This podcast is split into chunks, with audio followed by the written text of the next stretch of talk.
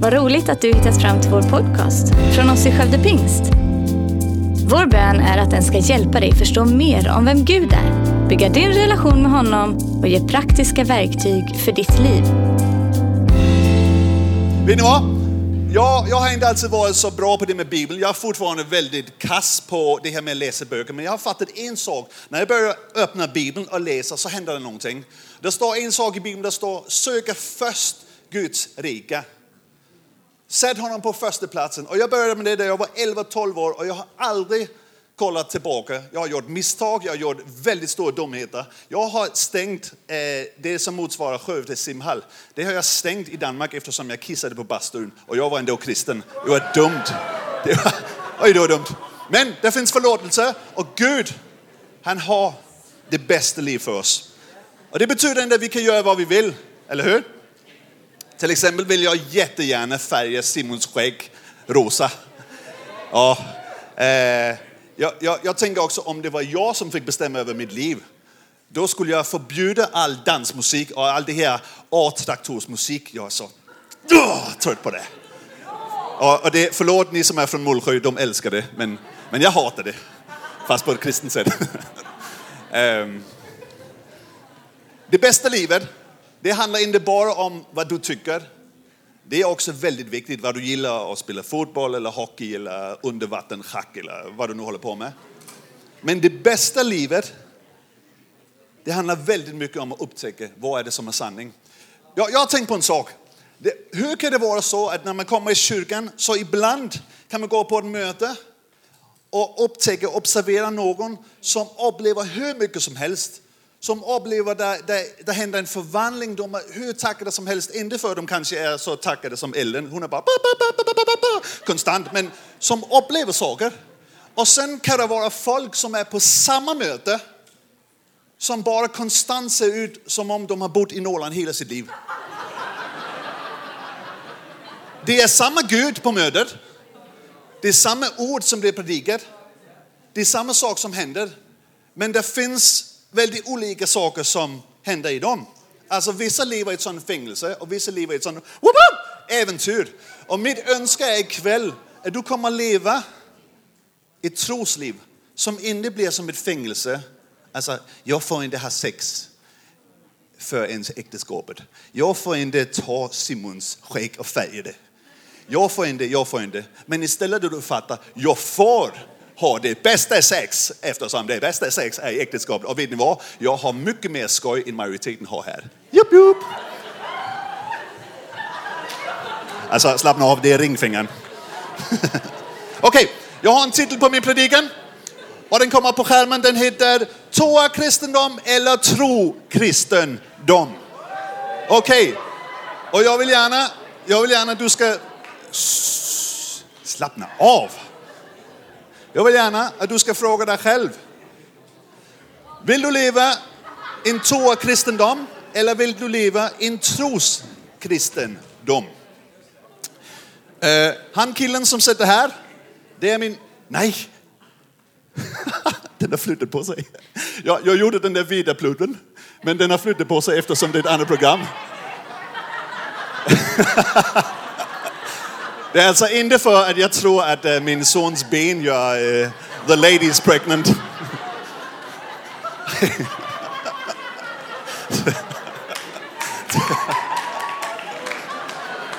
ja, tack.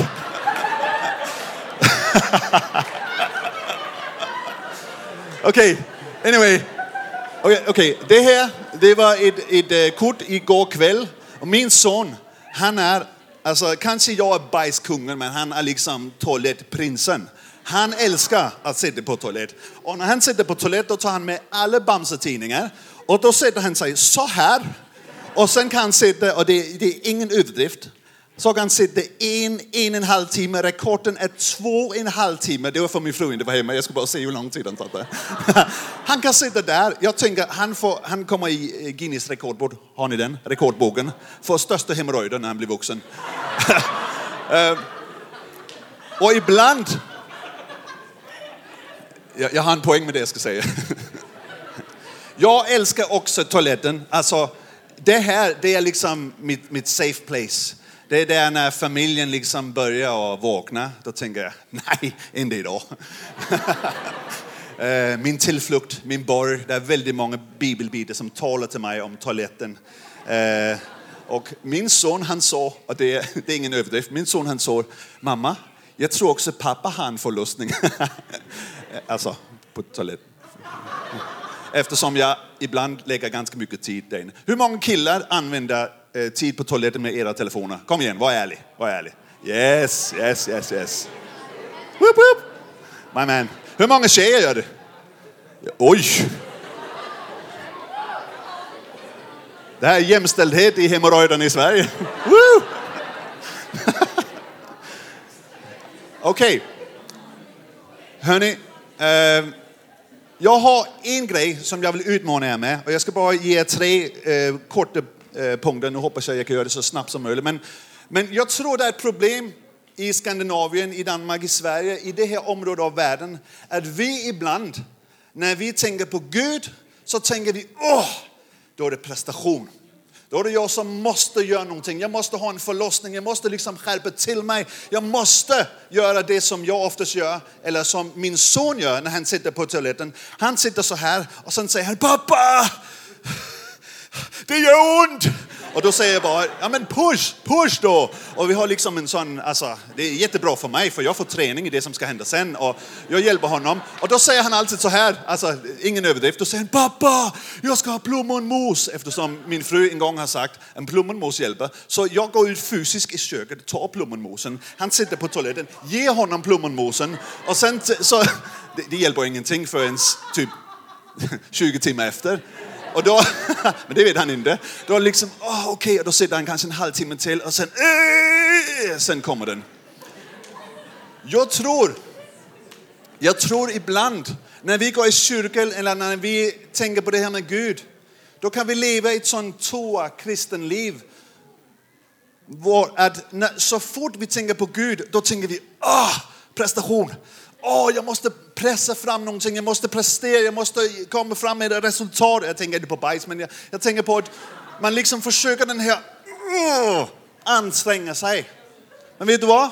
Gud vill inte att du ska ha en sån relation. För tro handlar inte om prestation. Tro handlar om relation. Och jag tror ikväll, och det jag upplever Gud har gett mig på mitt hjärta, det är att du ska uppleva att troslivet med Gud är frihet, det är äventyr, det är glädje, det är någonting som är nice. Och inte någonting som är stressigt, eller du måste, eller du får inte, men som är bra. Vill ni vara med på de tre sakerna jag har att säga? Fattar ni ens vad jag säger? bra. Ja, man vet aldrig. Okej, okay. ta nästa slide. Det står så här om tro. Oj! Ja, står den där den. Ta nästa. Det står så här om tro. Utan tro är det omöjligt att behaga Gud. Den som vill komma till honom måste ju tro att han finns och att han belönar den som söker honom. Och det står att den rättfärdige ska leva av tro. När jag var 13-14 år Även efter jag hade levat det här livet och jag hade upptäckt att livet med Gud var fantastiskt, då var jag livrädd för att tro. För jag trodde att gå i kyrkan eller komma på möte eller, eller vara i en sån sammanhang som här, det handlade om att jag skulle prestera. Jag skulle visa Gud att jag kunde ha händerna högt upp i 45 graders vinkel, för det är där, det är där den ligger, 45 grader, kanske 50 grader. Alltså jag skulle prestera, jag skulle visa Gud att jag var tillräckligt bra och så vidare. Men så är Gud inte. Det sjuka är att Gud ibland då ber han oss om att leva ett liv där vi litar på honom, där vi tror på honom. Och ibland så tror jag Gud han bara vill säga, kom med mig på äventyr. Istället för att du måste prestera, du måste förstå, du måste skärpa till dig. Och jag vill att du ska gå hem med en känsla av, Gud vill ta mig på äventyr. Jag vill gärna ta dig med till en historia väldigt snabbt i eh, första Moseboken. Det är historien om Noa.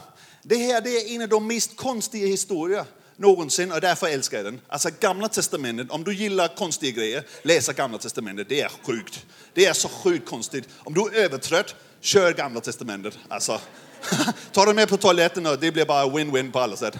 Okej? Okay? Eh, det står så här i eh, Hebreerbrevet, det står så här, i tro byggde Noa efter att ha fått varning om det som ännu inte syns, i helig fruktan en ark för att rädda sin familj. Och sen kan ni läsa mer i första Moseboken kapitel 6-8. Alltså väldigt kort, Noa bodde i ett område där det var väldigt torrt.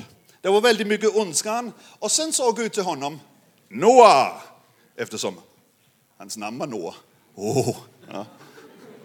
Big brain. Okej.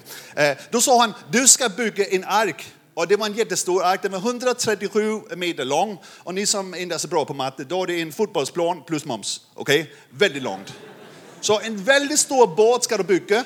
Och det var några som sa den här, jag känner en båt. Och sen blev den liksom tagen av en svensk. Och där Gud sa det till Noah, då tror jag Noah tänker, ja, vad sa du? Eftersom det var inget vatten i området. Det här var ett gigantiskt projekt och han hade bara sin familj till att hjälpa sig. Jag vet, min familj är värdelös på att bygga en stor ark. Så jag tänker att hans var inte bäst heller. De hade inte testat innan. Det tog 120 år. Okej? Okay? 120 år. Och jag tänker, vad tänkte Noah när Gud kom och sa någonting? Ja, du ska bygga en båt och den båten ska fyllas av djur. De ska komma två och två. Näbbdjur, kobra, ormar och så vidare. Tror ni bara han tänkte, yes sir, såklart. Eller tror ni han tänkte, änden börjar jag bli sjuk eller också måste jag sluta äta de här champinjonerna som är lite konstiga. Gud han vill vi ska lita på honom. Alltså, okej, okay, okej. Okay. Tänk på, du bor i Sahara, alltså öknen, ni vet, varmt. Alltså som en stor svensk bastu, fast med sand. Okej? Okay? Är ni med? Bra. Okej, okay. och då plötsligt då får du en tanke, du sitter och ber och sen säger Gud till dig, hallå! Konstigt om ditt namn var hallå, men okej. Okay. Hallå! Jag vill att du ska bygga Trysil 2. Du ska köpa en massa skidor, snowboard, en snöleopard och alla runt dig säger bara, vad håller du på med? Hur skulle din tro bli påverkad av att Gud han säger någonting så enormt konstigt? Kanske du har upplevt att Gud han har sagt till dig, jag vill att du ska köpa, eh, vad heter den där, pucka? Den här, pucko. pucko. Jag vill du ska köpa pucko till din eh, klassförståndare. Och det ska inte vara Pucko Light, den är riktiga. Eller någonting. Du får en idé, du får en tanke och Gud han säger det och du tänker bara, va? Varför säger du det? Och jag vill att du ska bli uppmuntrad av att när Gud säger någonting till dig, då kan du lita på honom, för han har ett äventyr till dig. Nummer ett, alla säger nummer ett. Och nu säger vi det på dansk. Nummer ett.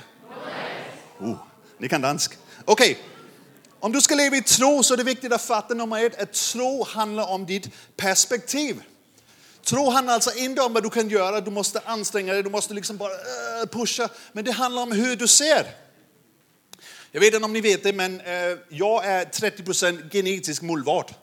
Och uh, det är sant.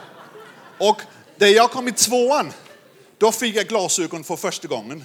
Och min pappa, han skäms fortfarande över att han sa nu fattar jag varför du, alltså i två år gick du i skolan och du fattade ingenting. Det var för att du såg ingenting. Och jag, jag, visste, jag visste ingenting, jag visste inte att man kunde se någonting. Jag trodde bara att världen var två meter framför mig. Så när jag fick glasögon, det är sant, när jag fick glasögon så var det liksom den här, a whole new world. Det var, det var crazy.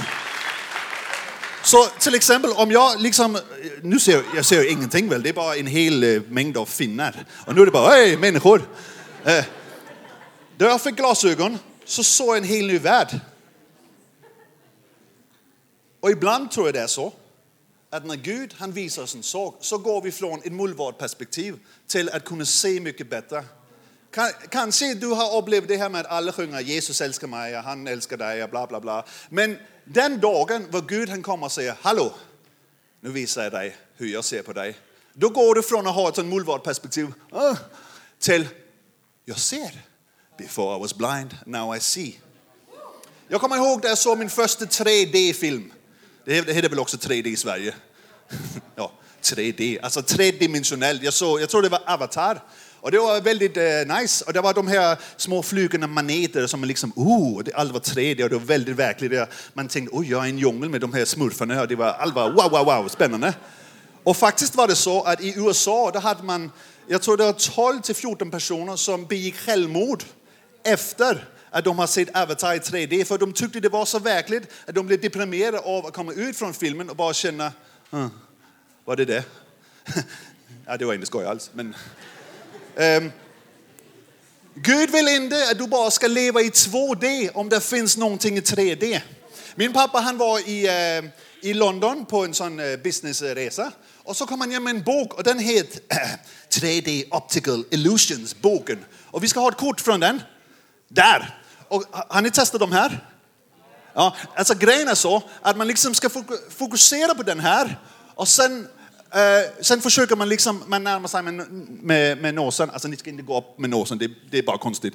Men då ska man försöka fokusera på allting och ingenting och plötsligt då ser du kanske Taj Mahal eller en tiger eller någonting som är i 3D. Hur många testar det här? Ja, okej. Okay. Vissa vet vad det är. Men min pappa, min pappa han sa till mig, Mark, det här, där finns någonting väldigt spännande, väldigt olika, väldigt konstigt. Jag vill att du ska lära dig att se i 3D. Och du gör så här, du fokuserar liksom på grejen och sen går du långsamt ut. Och i två timmar, två danska timmar, det är två och en halv svensk timmar, då satt jag så här äh, och jag såg ingenting. Och jag blev deprimerad och ringde till danska herren och jag kände mig kränkt och det var det värsta ever. Och sen, plötsligt, halleluja, då såg jag det. Jag såg tigern i 3D. Och jag kollade på min lillebrorsan och såg på honom och sa, du ser ingenting, gör du? För skillnaden på att bara kolla på det, alltså det här det, det ser ut som en, en enhörning som har gjort bajs på ett stycke papper. Men och se det som var på skärmen, se det som var på kortet i 3D var världens skillnad. Världens skillnad. Min pappa såg grejer och jag såg grejer. Och Gud vill att du ska leva i 3D. Gud vill inte bara att du ska leva med det vi kan se. Vet du vad, i Europa, då har de flesta skjuter om det här med att man, kan inte, man kan inte tro på någonting man inte, kan se. Ja, men okej, gå in i rummet till experterna och fisa lite. Tror ni på min eh, fis? Ja. Jag vet inte varför det är så mycket toalett. Eh, jag ber om ursäkt. Ja. Jag var en gång i Zambia. Zambia är ett land i Afrika. Och där, ehm, där var jag och en kompis. Vi gick runt och vi, vi, vi upplevde det här. Vi vill leva ett liv i tro. Och hur gör man det? Jo, men vi frågar Gud vad han ser. Och ju mer vi liksom försöker koppla på det han ser, ju mer ser vi samma sak. Ju mer får vi en uppenbarelse att det finns någonting mera än det vi ser, eller hur? Det finns någonting mer än bara det vi kan se. Så vi gick runt i den här ehm, äm, lilla staden som låg på gränsen till Malawi, mitt i ingenting. Och sen bad vi. Vi bad för alla hus, vi bad för alla, alla kvinnor, alla män fram och tillbaka. Sen upplevde vi att när vi närmade oss ett hus så skulle vi be för det här huset. Okej, vad konstigt. Vi bad för det här huset. Vi bad, vi bad för alla kvinnor på något sätt. Vi hade ingen aning. Det här var ett hus som precis alla andra. Vi bad för kvinnorna. Sen gick vi vidare. Vi kände bara att vi måste tillbaka till huset. Då började vi be för huset igen. Vi hade ingen aning om vad är på gång här. Vi bad för alla kvinnor i stan. Vi bad för det som hade hänt i huset här. Att det skulle sluta. Sen dagen efter, då blev vi vaknat eh, av, eller väckt heter det. Vi, vi vaknade, okej. Och då kom det en pastor och han sa, hej, hej, hej, vet ni vad som har hänt? Och vi sa nej, därför vi inte visste det. Då sa han, i stan, där hade bott en häxdoktor. Och han häxdoktorn, han har kastat förbannelse över alla kvinnor i hela staden. Så det här, den här orten har den högsta eh, abortstatistik i hela det här området i Afrika. Han flydde igår kväll. Någonting har hänt. Och jag och min, kille, eller min kompis var bara wow, wow, wow, crazy, crazy. Vi såg någonting i 3D. Det var inte allt vi förstod, men det finns en andlig värld. Det finns någonting vad Gud han vill visa dig saker. En gång så eh, gick jag och bad i, eh, vi hade en källare. Vi var på väg eh, att flytta från ett ord till en annan. Och sen upplevde jag bara, men, eh, jag, jag kan likväl eh, be, för vi hade ingen tv. Det var, alltså, det var Danmark, det är ju ett u-land. Okay? Så, så jag började be lite och var liksom, okej okay, Gud, jag, jag vill vara med på äventyr. Vad vill du säga till mig? Och sen fick jag den här tanken. Jag gick från bara att be för vad som helst, be för Teletubbies, be för fotboll, be för vad som helst. Plötsligt fick jag den här tanken. Jag såg någonting. Och jag såg en kompis jag hade gått på skolan med. Han var inte ens en riktig kompis, det var bara en sån bekänd. Jag måste ringa honom. Jag Hade ingen aning om vad som var på G i hans liv. Jag ringde honom, han heter Magne, han är, han är från Färöarna. Vet ni vad det är? Ja, det är sån små trams ute i vatten. Där bodde han. Okay? Och då ringde jag honom och då sa jag, hej eh, Magne, det är jag, vi har gått på skola eh, förra året tillsammans. Kommer du ihåg mig? Ja. Varför ringer du nu? Eh, om, jag, om jag ska vara ärlig så gick jag bad, jag är ju kristen, och eh, jag blev vad jag skulle be för dig. Vad, vad är på G? Då berättade han att han hade beslutat sig, om ingenting skulle hända annat än det som hade hänt hittills, om inte han skulle få ett tecken, något svar på någonting, då vill han ta sitt liv den kväll. Och jag tänker bara, Gud, han vill inte att du ska leva i 2D. Han vill inte bara att du ska leva som alla andra. Han vill visa dig saker, han vill leda dig. Och det handlar om ditt perspektiv. Det betyder inte alltid att du liksom får stora uppenbarelser om konstiga saker. Men Gud vill att du ska se någonting i din skola, i din kyrka. Kanske du ser din kyrka som världens tråkigaste kyrka. Kanske det känns så. Men att du ser, det här, det är ett centrum för väckelse. Det här är ett centrum för förvandling i vår ord. Jag kan säga så mycket här i Mullsjö, det är inte alltid jag känner när jag går på gudstjänst i Mullsjö att det bara da, da, da, da, da. Alltså oftast är det sån begravningsstämning. Men jag ser också något annat med mina andliga ögon, att Gud håller på, att göra någon, håller på att göra någonting där. Han gör levande, han tar grejer som var bra och gör dem mycket bättre. Och Gud vill att du ska förstå det. Leva inte bara i 2D. Jag upplevde att jag fick ett ord till, till vissa. Vet ni vad det här är? Simon kom upp här. Det här det heter äh, VR, virtual reality. Ta på de här. Jag upplevde att det är vissa av er som, som inte bara lever i 2D eller 3D, men ni lever i det här virtual reality. Virtual reality det handlar egentligen om att man sätter på sig en liten skärm här och sen kan man köra i berg och dalbana. Det är skoj! Man kan vara en prinsessa, man kan vara i en, eh, en skräckfilm, man kan vara överallt. Men jag tror att det är vissa av oss som är här ikväll som du lever med det här perspektivet, som är någonting som inte är sant. En konstgjord värld. Det är ju fusk det här. Så. Du kan ta av den. Jag, vill... jag tror att Gud vill uppmuntra dig till inte att leva i en värld där när du tar på den här så måste du vara snygg. Du måste ha perfekt, eh, en perfekt rumpa. Du måste eh, att alla ska kalla dig för kung. Du måste ha så många likes som möjligt. Det här det är inte vägligt. Vet du vad? Efter fem minuter när jag har testat den här så börjar jag få huvudvärk. Jag tror att Gud han vill ta bort en verklighet från jättemånga ikväll som ger dig huvudvärk. Eh, du måste vara väldigt slimline, du måste vara stark, du måste vara snygg, du måste vara kung, du måste vara allt möjligt och låter dig se det som han vill att du ska se. David såg Goliat. Han såg inte bara en gigantisk kille på tre meter. Han såg en som skulle besegras för han såg annorlunda. Herren sa till Gideon som var en fegis. Han sa, jag ser inte dig som en fegis, jag ser dig som en stark krigare. Det var en kille som hette Elisa. Han hade en tjänare. Plötsligt så kom det en hel armé emot dem. Och han tjänaren han började bara liksom kissa ner sig för det var väldigt fruktansvärt det som skulle hända. Och då säger han lugn, lugn. Och då, då bad han den här bönen, Herren öppna hans ögon. Och plötsligt öppnade Herren hans ögon så han kunde se att bakom dem var hela Guds armé.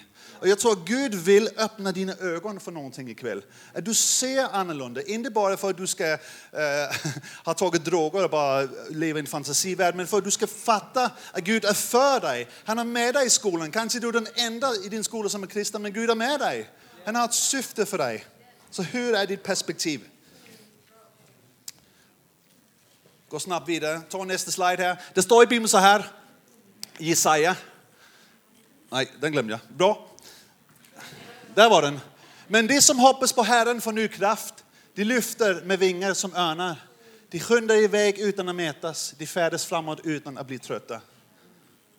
Det handlar inte om att du liksom ska igen prestera och flyga högt och ha bra perspektiv. Du måste bara låta anden ta dig uppåt. Säg Gud, ta mig upp från ditt perspektiv. Lever inte som en mullvad. Vet ni vad en mullvad gör? Den ibland, kanske en gång i veckan eller en gång i månaden när den är 20, så kommer den upp, uh, försöker se lite och sen åker den ner igen, skäms över sin tro, bara sticker runt. Lalalala. Gud vill inte att du ska leva så. Han vill varje dag att du ska sväva med honom. Du ska flyga, flyga med hans kraft och leva med det perspektiv han ger dig. Det var nummer ett. Nummer två. Är ni redo? Okej. Okay. Tro stavas frö. Två stavas frö, och det här är alltså inte på dansk. Men två stavas frö. Vet ni vad? Tron kommer i kraften av det som hörs. Jag har min bibel med här. Jag hoppas att du fattar den här bibeln är inte bara en bok. Men det här, det är någonting fullt av kraft, fullt av frö. Hur många fick ett frö när ni kom in? Har ni fröet med? Yes. Det är alltså inte danska droger ni har fått, det är ett senapsfrö. Och Guds ord, det är levande, det är verksamt. Och vet du vad? Gud han önskar plantera någonting i dig som ska växa. Det är också därför det är bra att vara öppen när du kommer i kyrkan eller vara öppen när du läser din bibel. Vad vill det här göra i mitt liv? Det finns en liknelse om såningsmannen. Vi kommer inte gå igenom den nu, för jag har pratat så mycket om bajs och kiss. Men det handlar egentligen bara om såningsmannen som går runt, han kastar ut frö. Och sen säger han att vissa grejer som landar på marken, vissa grejer landar på, eh, på, eh, på asfalten, vissa grejer landar i god jord och vissa grejer överlever inte. Tron kommer det som hörs, men min fråga till dig är, är du öppen för att Gud, han vill plantera någonting i dig ikväll? Vi tar nästa slide. När någon hör budskapet om riket men inte förstår det kommer den onde att rycka bort det som blir sått i hans hjärta. Det är det vid vägen. Det som såddes på stenig mark är den som hör ordet och genast tar emot det med glädje men inte har någon rot. Han håller ut endast en tid och möter han lidande eller förföljelse för ordets skull så kommer han genast på fall. Det som såddes bland tistlar är den som hör ordet men världsliga bekymmer och bedraglig rikedom kväver ordet så det blir utan frukt. Men det som såddes i god jord är den som hör ordet och förstår och som bär frukt. Hundrafald, sextiofald eller trettiofald. Gud vill att du ska leva ett liv och han får så någonting till dig. Och det handlar inte om att du ska säga till det här liten frö, äh, kom igen nu, kom igen nu, kom igen nu. Men när Gud får vattna det Kanske Gud har gett dig en dröm om att du en dag ska ta över en kyrka, vara pastor, du ska vara missionär eller du ska tjäna massa pengar som ska hjälpa andra människor som inte har massa pengar. Gud planterar alltid små korn. Och det kommer att ta tid. Det måste vattnas och det ska växa. Jag hade en kille som jag bar för en gång, en gigantiskt stor kille eh, från, eh, från min ort som eh, hade tatueringar överallt. Sen kom han fram till mig och då sa han, kan du be för mig? Och jag sa, ja, om du inte dödar mig. Lite rätt. Han var enormt stor, alltså det var nästan Goliats kusin eller någonting. Okay? Och han står liksom så här och han har liksom bara känt, ja, okej, okay, vi testar det här. Och då börjar jag be för honom och tänker, änden dör jag eller också händer någonting. Och jag ber för honom och då känner jag bara, jag måste bara säga någonting från Bibeln. Bibeln säger, du är värdefull. Mm, säger han. Alltså han har 50% björn eller någonting. Bibeln säger du är värdefull. Ja. Bibeln säger du är värdefull. Ja. Bibeln säger du är värdefull. Då börjar han säga sluta. Nej, Bibeln säger du är värdefull. Plötsligt så bryter han ihop. Och sen händer någonting. Guds ord är inte bara ord. Guds ord är verksamt. Och det betyder att när Gud han säger någonting till dig, då gör det en skillnad. Då är det någonting som blir sått i ditt liv och som blir planterat i dig. Tro det stavas frö. Väldigt snabbt så kan man säga så här, att Guds ord och det som Gud vill plantera i dig, det enda det behövs, det är bara ett F för frö, det är att du har förtroende.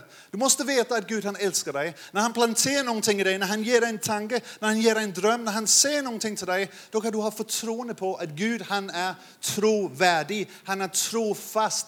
Så det är inte så svårt alltid att tro mycket när du vet att han är trofast. Sen finns det ju en risk om Gud han säger lite på mig. Finns det garantier? Nej, det är därför det heter tro. Men jag tror att vissa idag bara ska säga, jag tar ett steg i tro, jag tar en risk. Det handlar tro om att säga, okej, okay, jag har förtroende för Gud, jag tar en risk och sen överlåtelse. Jag vill att vissa ikväll ska ta med hem det här ordet, att när du tror, då handlar det inte om att du presterar, men att Gud planterar. Han lägger någonting i ditt liv och sen kan du lita på att det kommer att växa. Om du låter det vattna, om du tar hand om det på bästa sättet. Gud, han kommer så en tanke ikväll för vissa. Och sen sista grejen.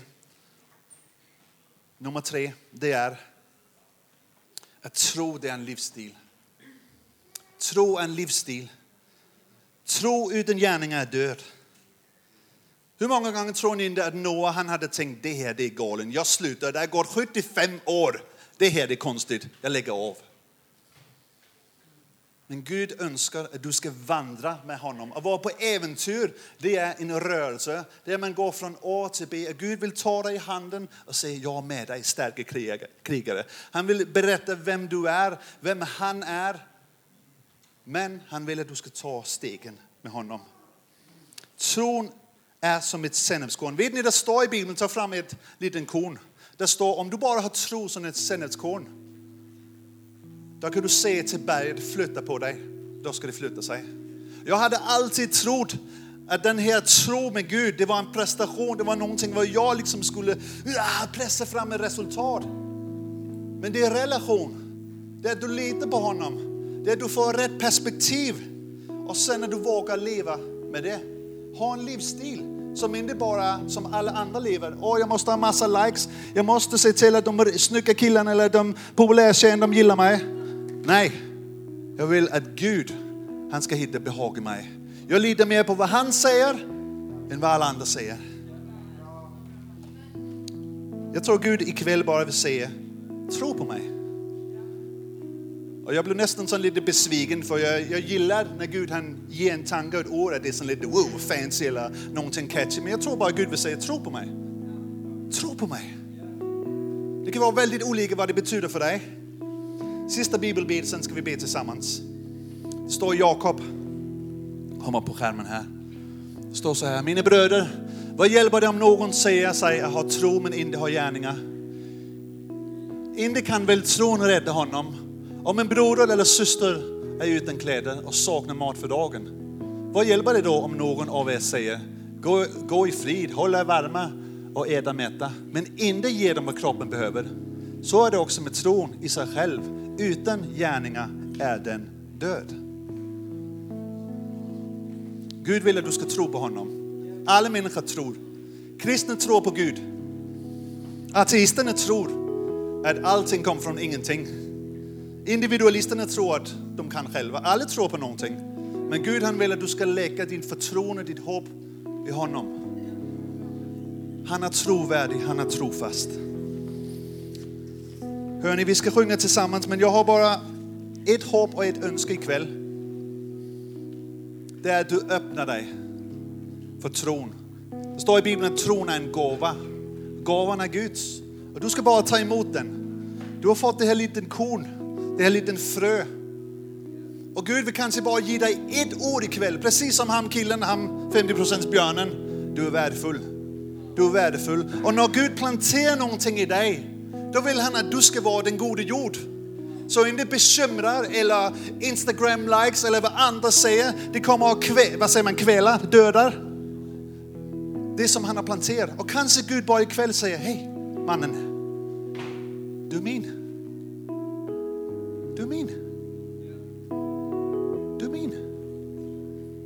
Du är min. Kanske han säger till dig, du är förlåten. Du är förlåten. Kanske du börjar liksom, ja men det är ett trams och jag måste ju ta, jag måste liksom skärpa till mig. Nej, Gud han bara säger till dig ikväll, du är förlåten. Du är förlåten. Tro på det Gud han säger om dig. Jag ska runda av nu, vi ska sjunga en sång. Men jag vill bara gärna när vi sjunger den här sången, du tänker på de här tre sakerna. Ett, ditt perspektiv. Vad är det Gud visar dig ikväll? Kanske han bara visar dig ikväll att det vi, vi sjöng i början, jag vet att Gud älskar mig. Att Gud säger, den texten, den talar sanning om hur jag ser dig. Kanske Gud han bara säger, jag vill att du ska sluta leva i virtual reality. Det är fake, det ger dig huvudvärk. Jag vill ta av de här och jag vill ge dig andens blick. Så du ser det som jag ser. Att jag ser din familj, att jag är med dig. Jag ser att jag är med dig starka krigare. Att jag har ett syfte för dig. Jag är med dig i skolan. Så vad är det Gud vill visa dig? Nummer två. Vad säger Gud? Vad planterar han i dig? Vi har lite jord med, eller jag har köpt jord. Det är jättebra ICA Mullsjö jord. Och eh, jag tror att den helige Ande bara vill plantera någonting i vissa ikväll. Kanske det är han vill plantera. Var inte rädd för den du ska gifta dig med. Var inte bekymrad. Jag är med dig. Jag har en plan för dig. Den här liten grejen, om Gud säger det, skriv ner det. Plantera det och se till att det blir vattnat. Se till att det växer. Det står att vi ska ha en frukt i vårt liv. Är det resultat? Kommer den från oss? Nej, den kommer eftersom att det är någonting som växer upp. Och Gud vill inte att du ska gå hem och säga du har ansvar för allt i ditt liv. Han har ditt liv i sin hand. Du ska bara våga och säga Gud, jag ger det tillbaka till dig. Och sen tror jag som en sista grejen här, nummer tre, är det vissa som säger, jag lever ett liv, jag tror på Gud, men dina handlingar är egentligen tvärtom. Och Gud han säger, gå all in. Leva ett liv som är sant. Leva en livsstil som är full av tro. Gud har ingen toapress till dig. Han älskar dig. Tack för att du lyssnat. Dela gärna podden med dina vänner och glöm inte att prenumerera så du inte missar nästa predikan. Om du har några frågor eller vill att vi ska be eller tacka för något tillsammans med dig så får du gärna höra av dig till kyrkan skövdepingst.se. För oss är veckans höjdpunkt söndagens gudstjänst och det vore så kul att träffa dig där. Våra team finns då redo att ta emot dig och det finns även egna samlingar för barnen. Du hittar mer information om oss, vilka vi är och våra olika mötesplatser på skövdepingst.se. Gud välsigne dig och ha en fortsatt bra vecka.